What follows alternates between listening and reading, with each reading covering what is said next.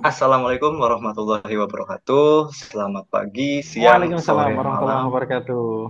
Sobat KMMTP di mana pun kalian berada, semoga selalu dalam kondisi sehat. Dan kembali lagi bersama saya di cerita kita untuk edisi yang ke-9. Bakal ada apa nih di edisi kali ini? Ya, biar nggak penasaran. Jadi di edisi 9 ini kita kedatangan tamu yang inspiratif teman-teman ya yang akan bercerita tentang pengalaman beliau dulu saat di KMMTP dan juga sharing-sharing mengenai dunia kerja. Nah, langsung saja di sini sudah ada Mas Sona Ardian. Halo Mas Sona, apa kabar? Halo Mas Fad dan sobat teknologi pertanian teman-teman berada. Alhamdulillah uh, kabar baik-baik aja dan insya Allah selalu bahagia ya. Mas Fad juga ya bahagia kabarnya ya. Alhamdulillah. Alhamdulillah.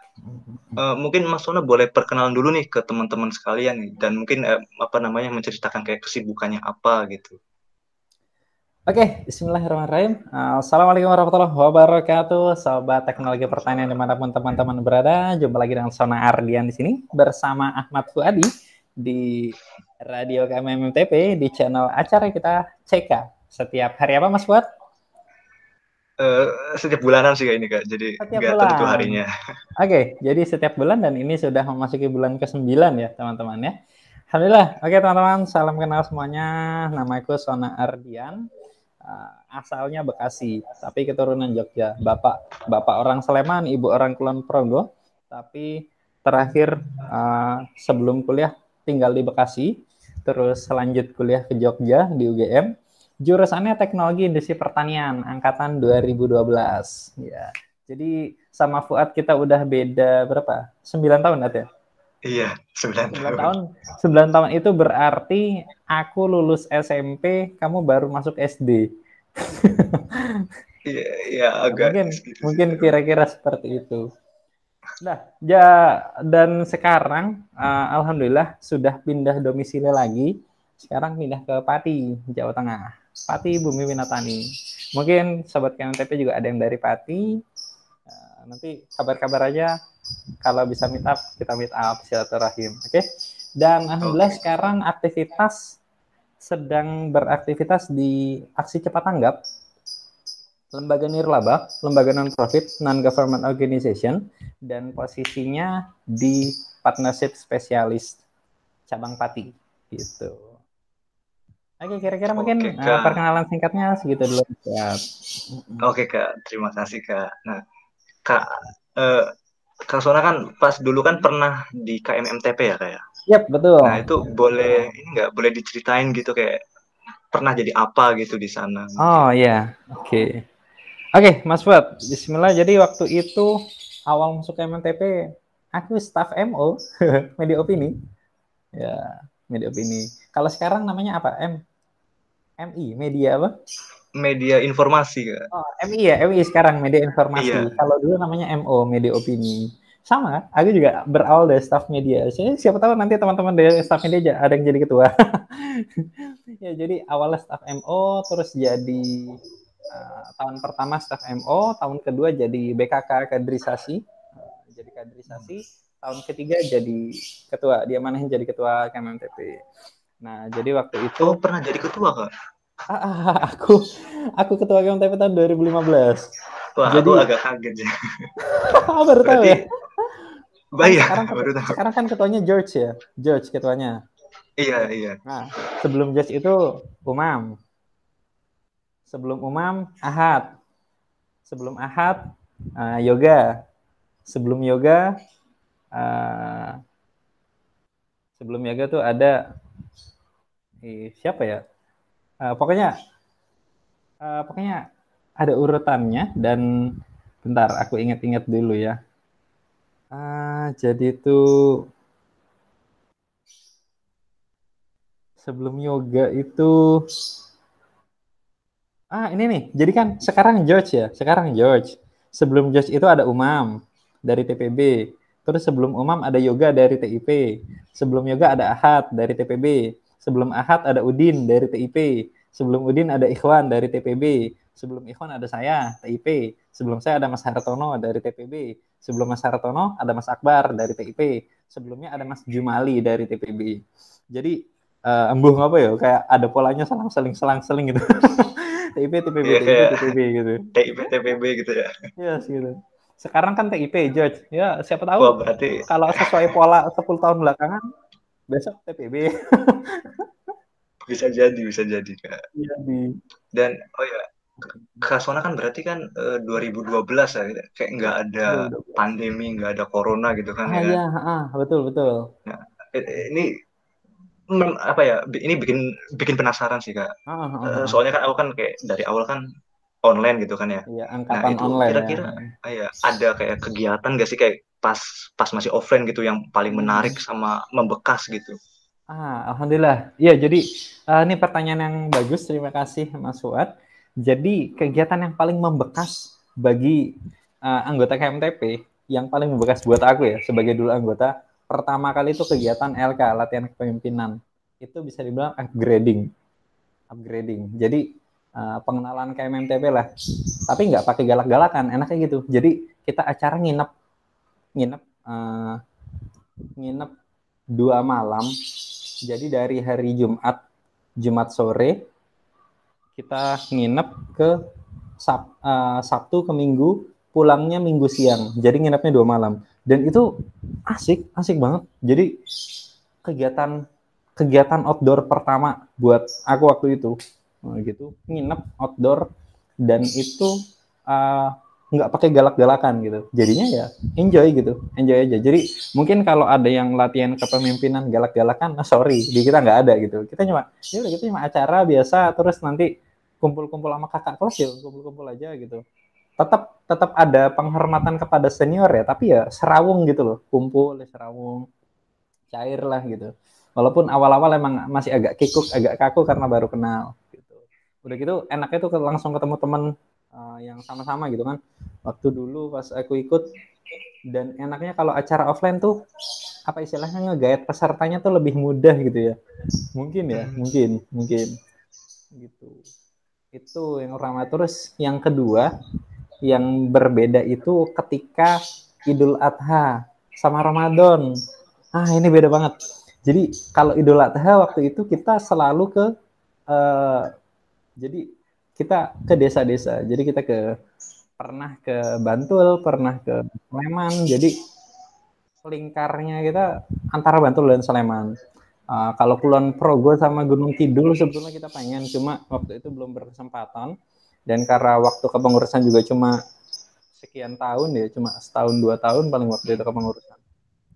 Jadi waktu itu kita uh, menyembelih hewan kurban, menyalurkan hewan kurban di Bantul sama Sleman. Gitu. Kalau Kulon Progo sama Gunung Kidul, kalau nggak salah udah ada dari teman-teman keluarga Muslim fakultas lain. Nah itu yang kedua. Jadi itu kita betulan datang uh, ke tempat penyembelihan, kita kenal sama warga, kita bantu nyembelih, bukan nyembelih, kita bantu mencacah, motong-motong daging, terus nanti abis itu biasanya dari warga ada yang masak langsung di lokasi penyembelihan. Ayo kita makan bareng, ngobrol sama warga gitu. Itu asiknya gitu. Terus yang ketiga Ramadan. Jadi Ramadan itu uh, kan emang biasanya libur, tapi itu kita ada kegiatan juga gitu, kegiatan uh, pernah waktu itu ya cuma kegiatan kajian sore tapi habis itu buka bersama. Kan buka bersama ngangenin gue terus yang keempat yang yang sekarang mungkin belum bisa dirasakan sama teman-teman sekarang itu kita ngajar anak-anak TPA jadi ya kita kita minggu ini ke TPA mana? Minggu depan ke TPA mana gitu. Cuma kita ada langganan 2 sampai 3 TPA sih waktu itu. Jadi pekan ini ke TPA ini pekan depan ke TPA, depan. Jadi ketemu anak-anak menyenengin gitu. Kira-kira seperti itu sih uh, bedanya sekarang sama dulu. Wah itu dari ke keempat itu aku belum pernah sama sekali ngerasain secara offline. Nah iya. ya makanya kita doain aja semoga nih pandemi segera berakhir ya jadinya bisa nyobain iya. gitu. Amin amin amin. Kayak pengen pengen cepet-cepet offline gitu kak jadi. Iya. kayak banyak yang hilang gitu ya ampun. Oh ya kak dan ini enggak sih kak kayak ada sesuatu nggak sih kak dari KMMTP yang apa namanya ada per, ada perbedaan gitu nggak sih kayak dari yang dulu sama yang sekarang gitu kalau dilihat di kalau dilihat sama Kasona gitu kalau perbedaan kalau secara apa istilahnya kalau dari KMTP-nya aku aku nggak bisa bandingin karena aku cuma nyobain kayak MTP yang dulu gitu. Yang sekarang aku kurang begitu paham gitu. Aku cuma sekarang cuma bisa mantau lewat sosmednya. Uh, jadi kalau untuk uh, banyak aspek aku nggak bisa membandingkan. Tapi yang aku tahu setiap kepengurusan sudah melakukan yang terbaik untuk ah, teman-teman uh, gitu. Yang aku tahu gitu, yang aku tahu gitu. Uh, setiap uh, ketuanya, pengurusnya dan teman-teman anggota yang ngadain apa pun itu insya Allah udah mencoba yang terbaik dan melakukan yang terbaik. Udah be the best of your version gitu lah.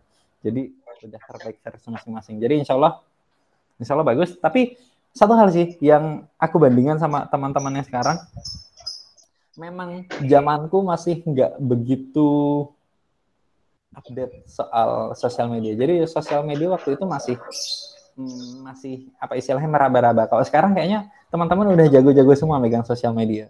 Bahkan yeah. teman-teman yang non media pun itu rata-rata udah jago megang sosial media karena kehidupan online itu membuat semuanya harus melek sosial media gitu. Dari mulai gampangnya desain lah, desain-desain tuh aku lihat sekarang bagus-bagus, rapi, rapi, nggak kalah rapi sama fitnya artis-artis gitu loh sekarang itu berpola, warnanya sama, gitu, selaras, senada gitu. Kok dulu masih ngacak gitu. Itu yang yang aku rasain sih itu. Jadi ibaratnya teman-teman KMNTP yang sekarang itu udah uh, menjaga eksistensi dengan berinovasi dan adaptasi. Kira-kira seperti itu. Iya, iya sih mas, ya. benar sih. Aku ngeliat juga kayak mungkin apa ya, apalagi karena pandemi gitu kan, jadi kayak dipaksa betul, betul. untuk ini sama apa namanya sama media sosial gitu. Betul. Jadi kayak lebih apa ya, lebih dekat gitu. Betul. Oh ya mas, terus ada ini nggak sih mas kayak sesuatu dari KMMTP yang memberi dampak besar gitu ke diri mas sampai sekarang gitu?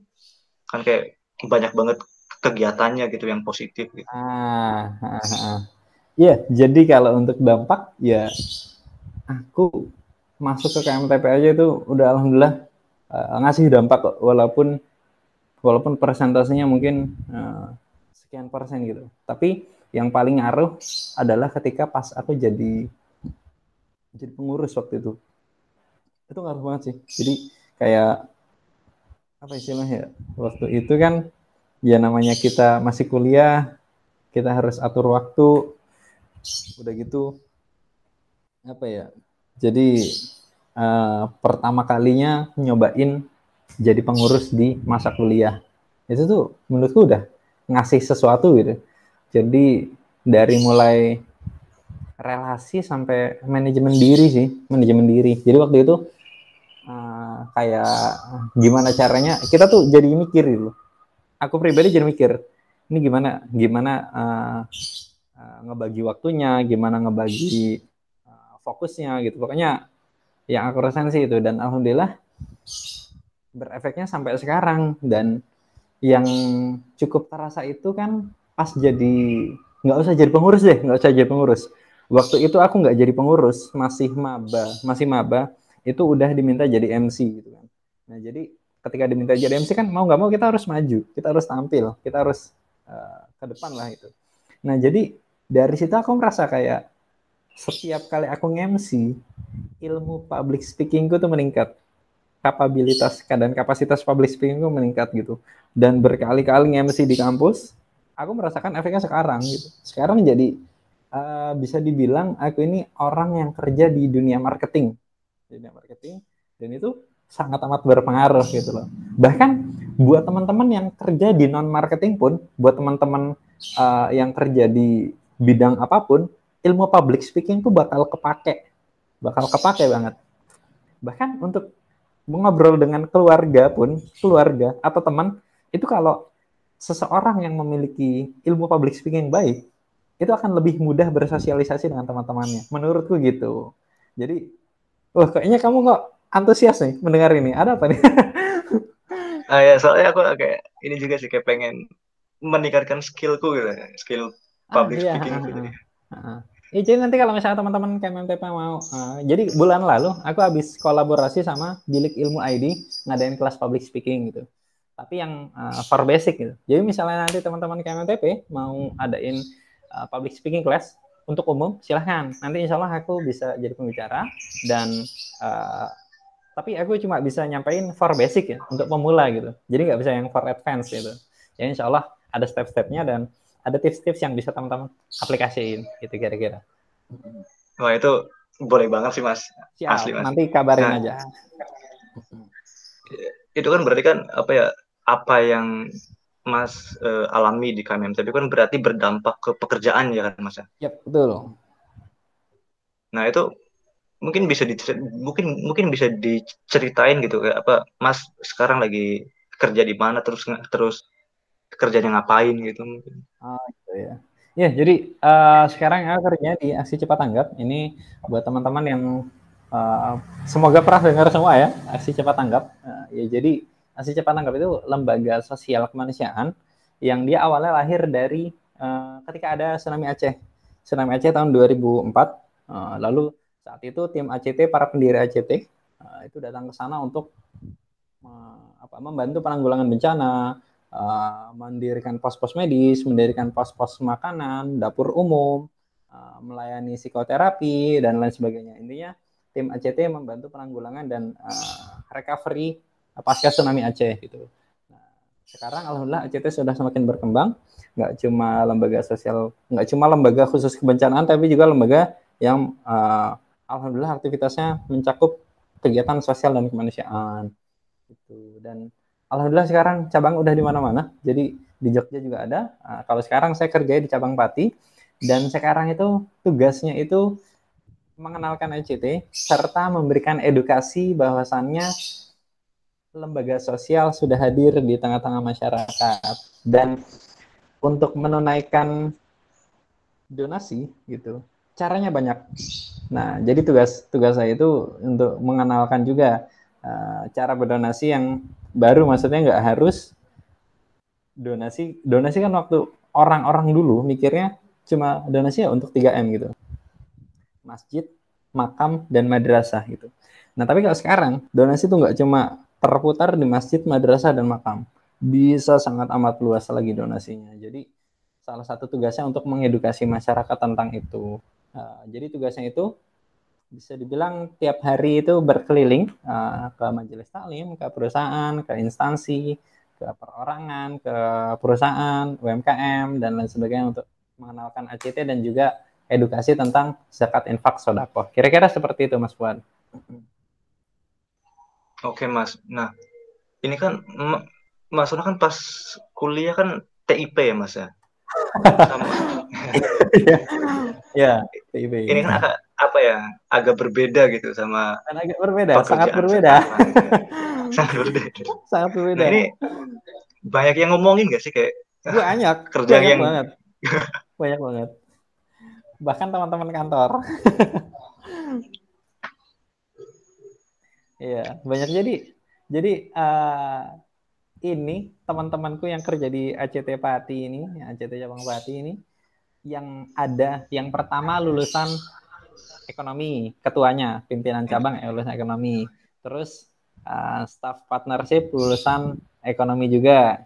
Terus uh, aku lulusan TIP.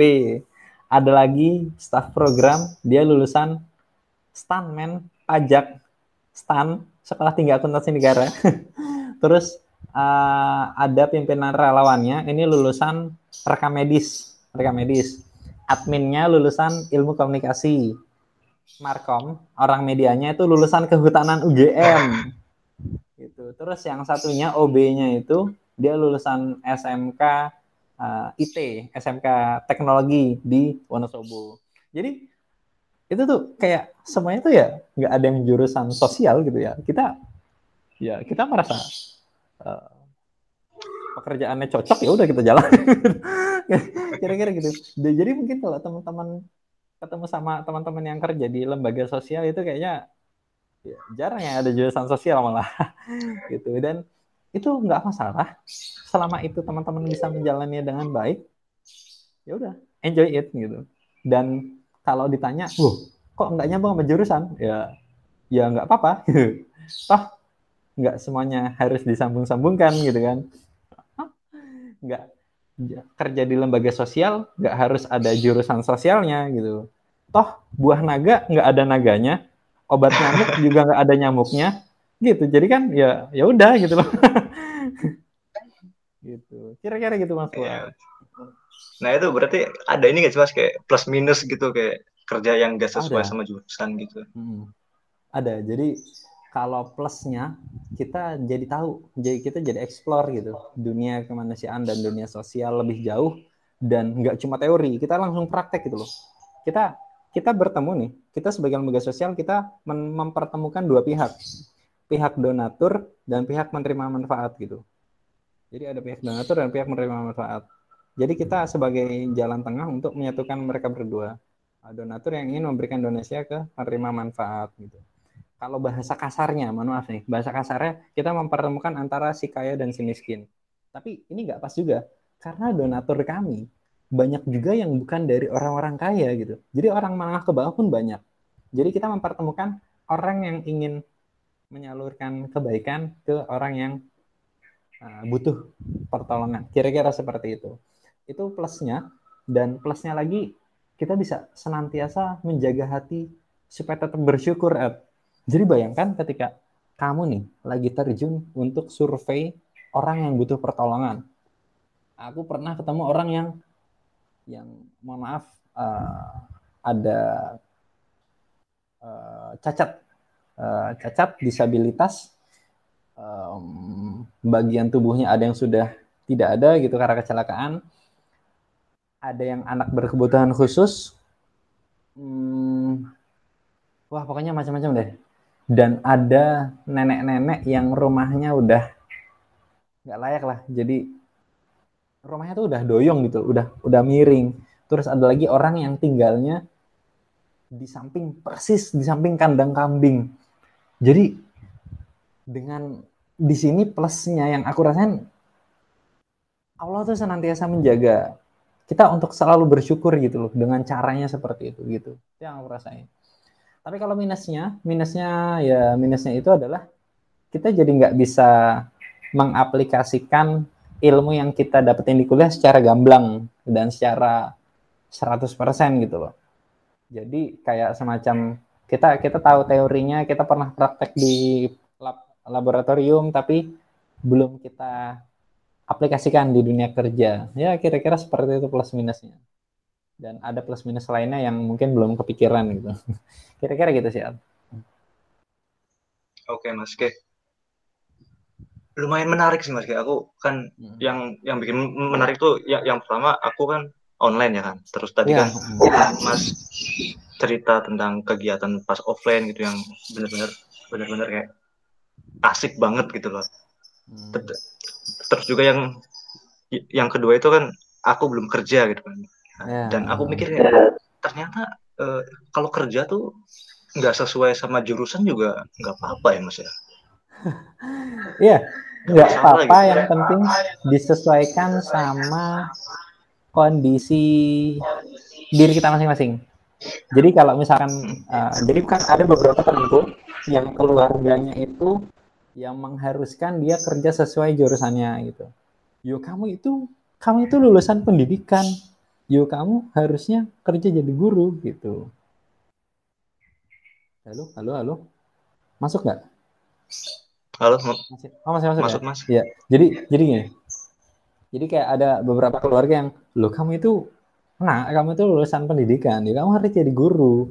gitu. Masa kerja di uh, misalnya masa kerjamu di pabrik gitu kan terus misalnya ada juga yang loh kami itu lulusan FTP kok kerjanya malah jadi guru gitu kamu tuh bagusnya ya di pabrik gitu loh macam-macam sih kira-kira seperti itu dan uh, ada juga yang banyak banyak bukan ada tapi banyak juga yo kamu kuliahnya ini yo kerjanya ya PNS gitu. Kalau belum PNS belum bekerja gitu. ada juga ada juga stereotip seperti itu gitu kan. Soalnya bagi beberapa orang tua memang PNS itu masih uh, merupakan apa ya suatu pencapaian yang luar biasa lah. Karena hmm. ya karena memang uh, apa ya ya kalau kita berniat untuk menyenangkan orang tua ya udah laksanakannya sesuai apa yang mereka ya senangi gitu. Misalkan bukan yang mereka senangi, yang mereka restui dan mereka ridhoi. Karena kalau mereka udah restu, mereka udah ridho, insya Allah deh, jalan kita mudah. Kerja kita di mana pun itu, asal kita diridhoi dan direstui, insya Allah uh, ada berkahnya, insya Allah. Jadi kalau saya, alhamdulillah, orang rumah nggak masalah. Kalau saya kerja di lembaga sosial, ya alhamdulillah gitu. Saya lamar, diterima aktivitas di sana gitu. Cuma memang yang perlu teman-teman garis bawahi, uh, ketika teman-teman mau bekerja, maksudnya bukan yang berwirausaha ya. Kalau teman-teman yang berwirausaha ini keren lagi. Salut saya sama teman-teman yang udah berani wirausaha. Nah, buat teman-teman yang mau bekerja, itu kalau kerja di swasta biasanya agak sulit lompat. Jadi maksudnya gini, saya kan udah kerja di lembaga sosial udah hampir tiga tahun. Nah, ketika saya besok mau pindah misalnya kerja ke industri, itu agak sulit diterima karena track record saya di lembaga sosial gitu. Kecuali saya lamarnya di bagian marketingnya gitu ya, itu mungkin masih bisa. Tapi kalau saya lamar di bagian uh, quality control atau bagian uh, produksi, itu mungkin agak sulit diterima. Begitu juga, begitu juga teman-teman yang bekerja sekarang bekerjanya di resto misalnya di resto. Terus kalau mau teman-teman mau pindah ke pabrik gitu itu mungkin uh, agak agak-agak banyak pertimbangan. Jadi intinya dunia kerja tuh semuanya bisa semuanya bisa dan kalau cocok insya Allah diterima. Tapi ada beberapa pro, instansi atau tempat yang mikir ngelihat track record. Oh dia kerjanya dulunya di restoran. Ya udah gitu. Bagusnya dia kerja di restoran lagi gitu. Jadi teman-temanku rata-rata uh, bisa pindah pas masih usia-usia di bawah 27 lah. Jadi kalau usia 27 biasanya kalau pindah ya paling ke perputaran yang sama. Jadi kalau misalnya pabrik ya pindah pabrik pabrik pabrik gitu. kalau misalnya resto resto resto resto. Ya kira-kira seperti itu. Tapi yang jelas yang perlu kita kita yakini adalah rezeki Allah itu luas dan Allah maha memberi rezeki di mana pun kita berada jadi itu itu hanya omongan, omongan, omongan saya pribadi itu. Karena sungguhnya yang ngasih rezeki kita Allah dan itu masih menjadi misteri untuk kita semua di mana rezeki kita berada. Jadi ya usahain aja yang terbaik. Insya Allah nanti Allah yang akan memilihkan yang terbaik untuk kita. Kira-kira seperti itu. Hmm. Nah, Mas ini ini terakhir Mas ya. Mungkin ya, Mas Ona punya kayak pesan gitu yang ingin, ingin disampaikan kepada teman-teman yang yang saat ini sedang berdinamika di KKN NTP gitu. Oke, jadi pesanku silakan explore diri teman-teman masing-masing gitu. Jadi dan yang yang ini aku mau nyampaikan ke teman-teman karena ini juga aku rasakan di diriku sendiri gitu. Mumpung teman-teman masih kuliah, lakukan apa yang pengen teman-teman lakukan selama itu nggak melanggar syariat. Itu itu aja. Itu itu gampangnya seperti itu. Teman-teman mau teman-teman mau explore di dunia dongeng, silahkan. Teman-teman mau ikut tari saman, silahkan. Teman-teman mau terjun ke jurnalistik, langsung daftar. Teman-teman mau jadi cosplayer, hajar. Teman-teman mau jadi komikus, gambar. Teman-teman mau bikin akun buzzer, Yuk, jangan. influencer, teman-teman mau jadi influencer, gaspol. Jadi lakukan apa yang pengen teman-teman lakukan selama itu tidak melanggar syariat. Ya gampang itu aja. Karena karena aku tuh pas masih kuliah punya banyak keinginan, punya banyak keinginan banyak banget. Tapi yang kecapai tentu saja kan karena dengan keterbatasan waktu dan kekuatan kita gitu. Nggak semuanya bisa aku capai gitu. Dan aku sekarang kayak uh, merasa bersyukur atas dulu tuh aku udah pernah berani melakukan beberapa hal yang aku pikir sempat aku timbang-timbang. Jadi nggak jadi nggak ya gitu. Terus jadilah jadiin. Terus sekarang betul aku jadi seneng dan nggak menyesal gitu. Karena ada beberapa kejadian di masa lalu di masa kuliah uh, aku ada sebetulnya aku ingin melakukan beberapa hal dan tapi nggak jadi aku lakukan gitu. Dan aku sekarang nyesal kayak ya kenapa dulu nggak dijalanin aja ya. Malah sekarang kepikiran gitu kan. Jadi kayak ya ya udah udah lanjut udah kerja lagi. Gitu. Jadi uh, mumpung masih kuliah mumpung teman-teman belum terikat dalam dunia pekerjaan mumpung teman-teman masih statusnya mahasiswa Jadi mahasiswa itu cenderung dalam tanda kutip bebas melakukan kegiatan apa pun gitu. Jadi ya kita kita bebas kita mau ngapain aja asal masih sesuai syariat baik-baik aja, it's fine gitu. Teman-teman bisa kerja di mana pun, bisa magang di mana pun, teman-teman bisa melakukan uh, gali informasi dan gali ilmu di mana pun dengan status mahasiswa. Pak saya mahasiswa, Bu saya mahasiswa mau belajar di sini gitu atau teman-teman mau bikin pentas apa gitu teman-teman mau menampilkan apa show off yourself jadikan dirimu sebagai versi terbaik dirimu dan jadikan status mahasiswa sebagai masa-masa untuk mengembangkan diri. Apa pun itu. Apa pun itu. Yang penting nggak melanggar syariat. Wis itu aja wis. Itu aja mungkin Ed. baik mas. Terima kasih mas sudah membagikan pengalaman mas ya. Terus juga kan tadi ada apa namanya pesan-pesan yang bagiku agak sedikit ini sih agak sedikit ngena gitu loh. Jadi yeah. aku pengen pengen banget ngelakuin sesuatu kayak apa pun dan nah, aku pengen melakukan itu. Pokoknya kapan, harus kapan melakukan apa nih selama kuliah? Uh, aku pengen pertama aku pengen ngelatih public speaking mas. Terus nah, aku pengen yes. ikut timnas juga.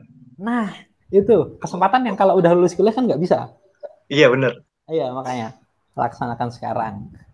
Siap Mas. Oke Mas, um, itu aja untuk rangkaian acara kali ini. Terima kasih sudah mau hadir untuk membagi cerita Mas. Uh, kemudian aku juga pengen apa namanya terima kasih lagi yang sebesar besarnya udah kayak hmm. membagikan pengalaman yang tentang pekerjaan dan juga pesan tersebut. Uh, semoga Mas selalu sehat selalu ya kan. Dan juga untuk teman-teman pendengar sobat KMMTP di mana pun berada, Sekian untuk acara cerita kita edisi ke-9 kali ini. Semoga bisa bermanfaat. Wassalamualaikum warahmatullahi wabarakatuh. Waalaikumsalam warahmatullahi wabarakatuh. Terima kasih Mas Fuad dan sampai jumpa lagi Sobat Teknologi Pertanian. Thank you Mas, thank you. Sama-sama. Ya ya bro. Sampai jumpa lagi.